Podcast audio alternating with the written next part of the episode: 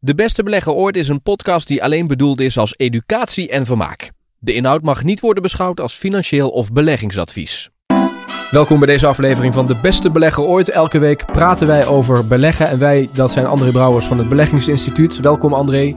Dank je Tom. En ik ben uh, Tom Jesse. Uh, de meeste uh, beleggers, ja, da daar zitten ondernemers bij. En er wordt ook wel eens gezegd, ja, als je dat als ondernemer goed voor elkaar hebt, dan ben je vast ook wel een goede belegger.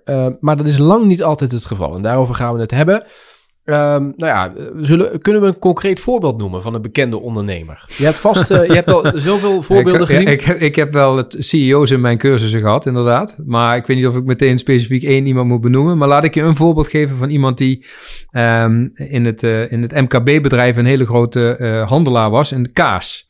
Het was een, een hele grote meneer, letterlijk en Die hebben we gehoord. Hebben die, heb ik toen ja, verteld? die hebben we al in een aflevering gehad. Ja, nou maar hij blijft wel, was wel een mooi voorbeeld. Ja, ja. oké. Okay. Maar goed, laat ik dan meer in algemene zin anders uh, benoemen, zonder dat we heel persoonlijk worden met mensen. Ik ben wel benieuwd of die meneer ook, want ik heb daar van luisteraars veel reacties op gehad, dat ze dat wel, dat hebben ze wel onthouden. Onthouden, ja, oké, okay, goed, prima. Nou ja, kijk, waar het, waar het mij meer om gaat is, kijk, ondernemers, het zijn doeners, hè, uh, niet lullen maar poetsen, uh, die zijn succesvol in een bepaalde bedrijfstak. En dat komt omdat ze daar ervaring in opgebouwd hebben, ook met vallen en uh, uh, opstaan, hè, letterlijk vallen en ook weer opstaan, groot geworden zijn. Dus ze weten een beetje uh, van risico's, beslissen, het zijn doeners, dat zijn goede eigenschappen. Wat je bij ondernemers ook wel eens ziet, is dat sommigen dan ook wel een redelijk groot ontwikkeld ego hebben. Ja. Hè? Ze hebben, ja, joh, ik ben succesvol, wat kom jij me nou vertellen? Weet je wel, dat soort, nou, oké, okay, prima. Um, en dat, ik zeg wel eens, financiële markten zijn een perfecte plaats om, om, om erachter te komen hoe groot jouw ego is. Hè? Um, Want als je een heel groot ego hebt? Nou ja, die, je moet namelijk op een gegeven moment uh, ook wel accepteren dat je in financiële wereld, hè, uh, ga je beslissingen nemen, je weet de uitkomst van die beslissing niet. Dus met andere woorden, vaak hebben ze geen referentiekader. Ze, ze, komen op financiële markten waar ze geen ervaring in hebben. Ze hebben wel ervaring met, uh, nou, met, met hun business, maar minder in financiële markten. En de logica die ze gewend zijn vanuit hun eigen business, zie je niet altijd terug op financiële markten. Dus het referentiekader ontbreekt. Ze nemen een beslissing. En nou blijkt dat ze misschien wel veel vaker een foute beslissing tegen zich krijgen. Die ook meteen afgerekend wordt. Hè? Want vandaag koop ik iets en morgen sta ik in het verlies. Dat is een directe respons. Ja, dan moet ik wel, die moet ik wel kunnen handelen. En als jij dan een te groot ego hebt en zegt, maar ik zal gelijk krijgen en het komt goed, want ik heb het gekocht en daarom moet het omhoog. Ja, dan, uh, dan stel je je wel redelijk uh, kwetsbaar op, zou ik bijna zeggen. Of juist niet kwetsbaar op, maar dan, ja, dan zou ik zeggen, enige nederigheid kan u uh, van pas komen in de financiële markten. Dat is in ieder geval mijn ervaring met die ondernemers. Dus ik vind het altijd leuk. Ik, vind altijd, ja, ik, ik voel me er altijd thuis bij dat soort mensen. Ik, uh, ik vind het altijd leuk. Ik heb ook groot respect voor wat ze, wat ze zelf gepresteerd hebben. Hè? Ik weet zelf hoe moeilijk het is om iets, om, om iets van de grond te krijgen. Dus dat, daar zit het hem allemaal niet in.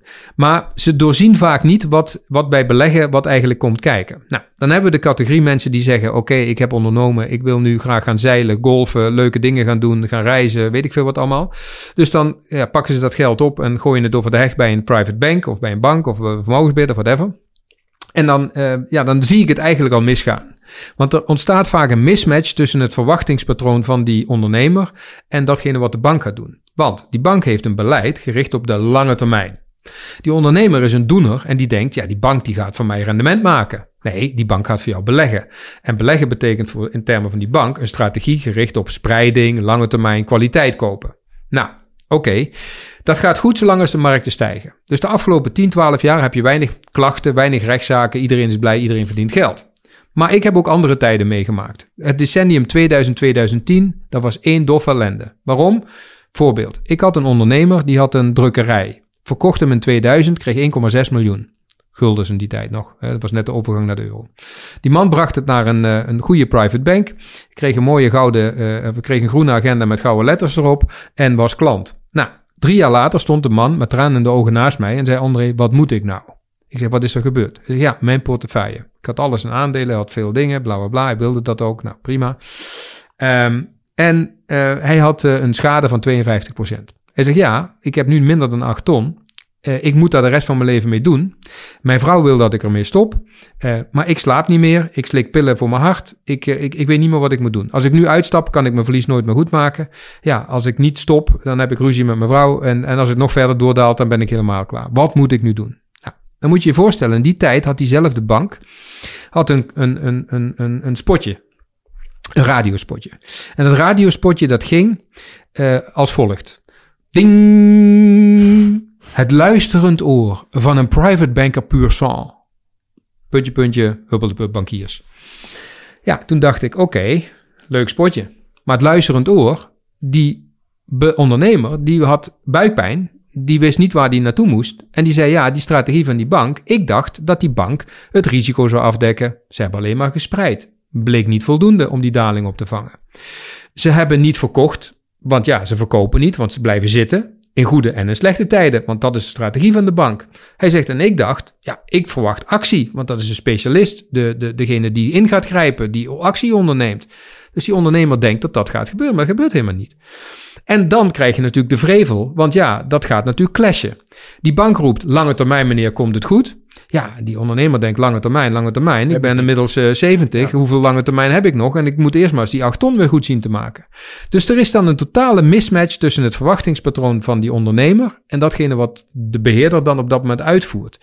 Dat kun je van de ene kant die beheerder niet kwalijk nemen, want die is vooraf redelijk straight in wat hij doet. Want hij zegt, ja, beleggen is lange termijn. Wij, wij zoeken kwaliteit. Maar ja, ook kwaliteit kan dalen. Hebben we al lang meerdere voorbeelden van gezien. Dus dat is ja, leuk dat je het zegt, maar wat heb ik eraan?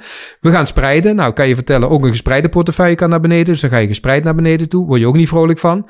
En vervolgens roepen ze dan lange termijn. Ja, oké, prima. Dat is een duidelijke strategie. Maar je ziet de mismatch ontstaan. En dat is iets wat mij in al die jaren tot en met de dag van vandaag heeft verwonderd. Dat, dat één, ondernemers niet doorvragen.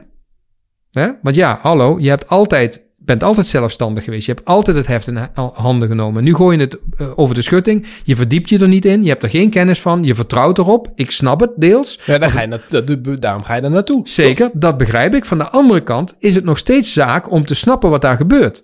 En te weten wat de keerzijde van de medaille is. En dat is iets wat geheid Tom, binnen nu en vijf à tien jaar hebben we weer zo'n cyclus. En hebben we weer de rechtszaken. En hebben we weer de mismatch. En hebben we weer de teleurstelling. En dan zeggen mensen ja. En dan, heb ik, dan hebben wij het weer razend druk, kan ik je vertellen. Ja, want dan kun je al die mensen gaan uitleggen. Dit heb ik echt al twee tot drie keer meegemaakt in een cyclus. En dan denk ik altijd, hoe komt dat nou? Ja, dat heeft dus zoals gezegd te, verwacht, te maken met het verwachtingspatroon van die, van, die, van die ondernemer. Zoals hij ook in elkaar zit. Hè? De actie, de, de, de ondernemingsgeest en het passieve uh, beleggen, wat over het algemeen de strategie van banken en beheerders is. Mhm. En natuurlijk worden er allerlei individuele sausjes over uh, gegooid, want iedereen moet zich ergens onderscheiden, maar bottom line doen ze allemaal hetzelfde. Hmm. Oké? Nou goed, en dat is iets eh, waardoor het met beleggers om fout gaat. Daarnaast heb je de ondernemer die ook nog eens zelf iets wil gaan doen. En dan komt bijvoorbeeld dat ego aan bod. Het, het hebben van een referentiekader, voldoende kennis. Ze hebben de eigenschappen, het kunnen beslissen, weten wat risico is, ingrijpen, accepteren als het fout gaat. Maar vaak verliezen ze dat uit het oog als ze zelf gaan beleggen. En ja, dat gat proberen we op te vullen door gewoon die mensen te coachen, we doen dat vaak op één op één sessies of in een groep. Uh, en mensen inzicht te geven van, hey joh, let nou op. Uh, hoe kun je bijvoorbeeld met dat risico omgaan? Want dat is voor mij cruciaal. Want je hebt niet de tijd om te wachten op die lange termijn. Je bent kwetsbaar. Maar André, je hebt het altijd over dat verzekeren. Ik noem maar weer even die opties. Het, kan op andere manieren ook, maar die, die opties. Waarom doet zo'n bank dat niet? Waarom zeggen die niet van, hey, uh, dat dat niet hun, ja, dat is een hele goede. Dat vraagt iedereen aan mij altijd. Zeg meneer Brouwers, als u dat nou toch weet, bent u nou de enige slimmerik? Waarom doet mijn bank dat niet? Nou, kijk, een bank heeft een hele andere structuur gecreëerd. Het is gericht op schaalgrootte. Iedereen wordt in een pot gegooid. Je geeft iemand het gevoel alsof het allemaal nou ja, maat, maatwerk is. Maar het wordt gewoon allemaal van ergens van bovenaf bepaald. Het wordt allemaal in een pot gegooid. En ze hebben ook oprecht de overtuiging dat hun strategie de beleggingsstrategie is per, uh, per definitie.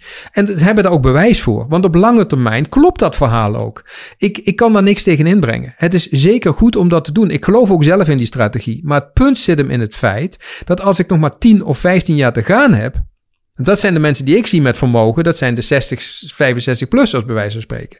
Die mensen hebben geen 20, 30, 40 jaar de tijd. Die zijn veel kwetsbaarder. Dus dan moet je wel afdekken. En ik vind het logisch dat ik dan instrumenten koop om die risico's af te dekken. Maar die belegger zegt, ja, maar op lange termijn, je kunt niet timen. Zeggen ze, maar ik ga niet timen. Ik koop gewoon structureel die bescherming eronder. Ja, maar dat kost rendement. Ja, en die ondernemer zit toch niet te wachten op 50% rendement. Die is tevreden met 6, 7, 8%. Dat kapitaal moet in stand houden. Dat risico moet gemanaged worden. Dus de focus moet heel anders liggen. Hmm. Dat is zoals ik het benader en zoals ik het zie. En dat is een van de dingen waarin ik me ook kan onderscheiden. Dus fijn dat ze het niet doen. Laten ze vooral ook blijven doen wat ze doen. Maar ze hebben zich zo ook georganiseerd. Ze, dus deels uit overtuiging dat ze het zo doen. En deels uit praktische Ja. schaalbaarheidsoverwegingen. Want dan moet je in één keer iedere individuele belegger moet je individueel gaan opvolgen. Dan moet je mensen dingen gaan uitleggen. Dat is veel, dat is veel te veel werk, Tom. Ja. Maar toch gaan nog iedere dag heel veel mensen met hun vermogen daar naartoe. Ja. Dus dat wil ook zeggen, ja, de, als het helemaal zouden verprutsen, zou niemand er meer naartoe gaan. Nee, maar kijk, ja, maar de afgelopen twaalf jaar is het alleen maar gestegen, Tom. Dus het heeft met de ontwikkelingen te Ja, maken. natuurlijk. Het is bull markets en brains. Ja. Als ik, Maar als het zo meteen naar beneden gaat, Vraag aan de mensen die in 2000, 2010 hebben belegd. Vraag naar hun Die, dat snap ik, dat snap ik. Maar dus dan krijg je zo Dat is een heel, andere, een heel ander en- verhaal. En, hè? en hoezo rechtszaken? Dan zeggen mensen van jullie hebben het verknald. Jullie ja, het natuurlijk. Dan zeggen ze, ja, maar u had nooit zoveel risico mogen nemen. Want, Maar ja, dan staat- blijkt, want dan blijkt dat de spreiding er wel was. Maar dat, ja, ondanks die spreiding... Vergeet niet, het, een van de grootste Europese beleggers in Europa ging 62% onderuit in de periode 2000-2003. En die zeggen, ja, we hebben slimme jongens, wij, wij selecteren hier de beste aandelen, we kopen kwaliteit. Het mandje ging 62% onderuit. Hm? Is, het kan- 62%! is het kansrijk, dat soort rechtszaken? Dat is toch allemaal in kleine lettertjes Ja, goed, daar hoeven we het nu niet Nee, over maar- te hebben. Maar, eh, bedoel, nee, maar, goed, maar da- daarom is er natuurlijk steeds meer zorgplicht gekomen. Ja, en daardoor krijg je ook die. de- daardoor, kijk, het is helemaal niet in het belang van die klant geweest. Want die zorgplicht heeft ervoor gezorgd dat iedereen. eh, Dan krijg je daardoor dat massa-schaalgedrag. Iedereen wordt in dezelfde profieletjes gestopt. Iedereen krijgt dezelfde eh, dingen. En we, we, we, co- we cover our ass. Oké, Ja. het is één grote disclaimer-cultuur geworden. Precies, maar Dus, dus ja, maar het voorbeeld dat op het moment dat dat gebeurt, heb je eh, te maken met, met ehm, eh, die spreiding in die asset mix, waar ik het over gehad heb.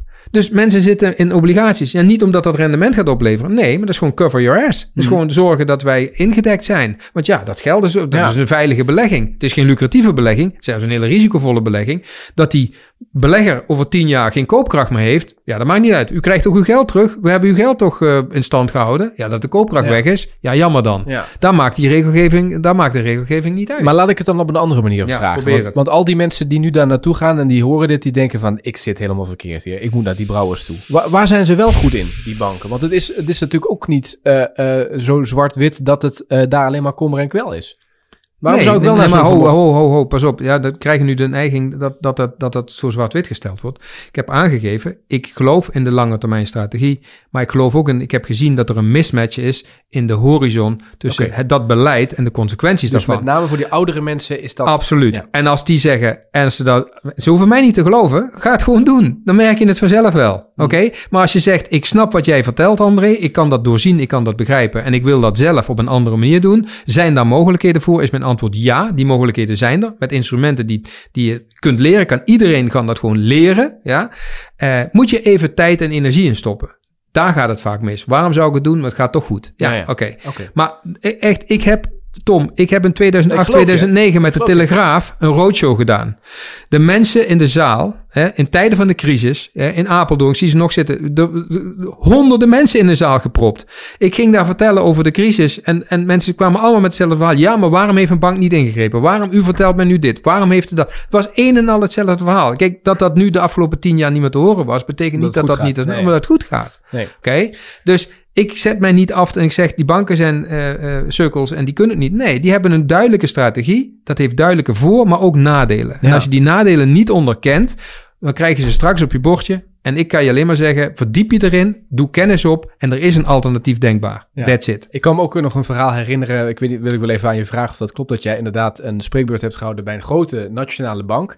En dat je daar op het podium een, een verhaal hebt gehouden. En dat er in de zaal iemand zat die zei: Ja, het klopt wat hij zegt, maar we, we gaan hem niet nog een keer uitnodigen. Want ja, al die klanten die werden natuurlijk ongerust. Want Ja, dat is gebeurd inderdaad. Ja. ja, maar ja, ik laat mij de mond in die zin niet Nee, nee. snoeren. Eh, ik vertel zoals ik het heb beleefd. En ik ben echt niet eh, de, de beste belegger ooit. Laat dat heel duidelijk zijn. Maar ik probeer mensen te helpen om de beste belegger ooit voor hunzelf te worden. precies, en hebben we meteen ook de titel van deze podcast Zeker. verklaard. Dit was hem voor deze keer. Meer informatie in de show notes. Staat ook het e-mailadres van André. En eh, mocht je hem een keer willen uitnodigen bij een eh, bijeenkomst, dan staat het linkje in de beschrijving. Tot de volgende keer.